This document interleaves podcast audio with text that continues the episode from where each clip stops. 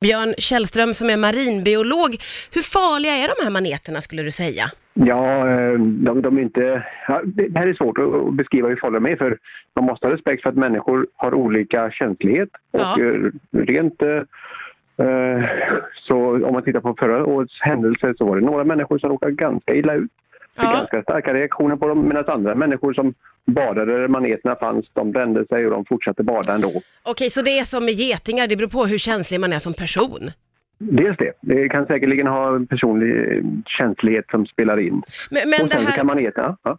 eh, med- att man kan få förlamningsskador, det är ju i värsta fall då. Men, men vad kan hända om man, om man rör en sån här manet?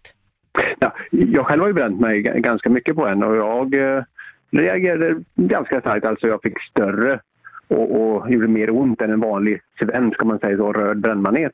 Ja. Som må- många bränner sig på sommaren. Ja. Det här var, var en lite starkare gift så jag, jag fick starkare liksom, reaktion av dem. Ja, okej. Och sen så kände jag av det under en natt eh, men sen försvann det för mig. Ja, ja. Men du, var kommer de ifrån? Ja, det är, en, det är en bra fråga. Från början så kommer de från Stilla havet säkerligen. Mm. Sen har de spritt sig därifrån till Atlanten och våran sida.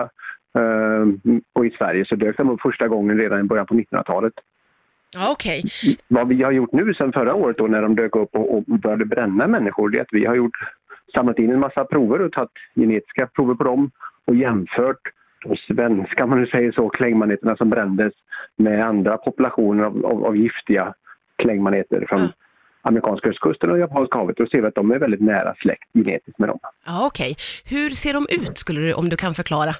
Ja, de är, de är små. De är en, två centimeter som störst i diameter. Så det är ju lite problematiskt när de är så små. men Oj, de vad ändå små. brännas mer än en stor brännmanet. Jaha, var de så Ja. små?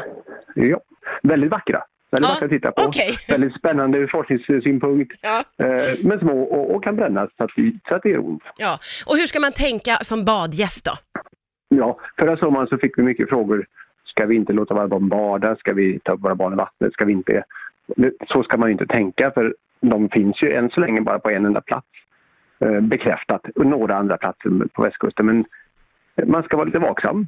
Ja. Och eh, gärna hjälpa oss forskare att rapportera in om man ser sådana här maneter. Mm. Mm. Eh, Så man ska ta det lugnt och ha ögonen med sig helt Ja. enkelt? Ja. Precis. Men det, det är ju lättare sagt än gjort för de är små. En stor vanlig röd brännmanet den kan man ju stå på bryggan och titta Ja, på. ja, ja, så kan visst. man bada vid sidan eller varna varandra. ja. Här är det lite svårare för de här ser man inte så bra från bryggan.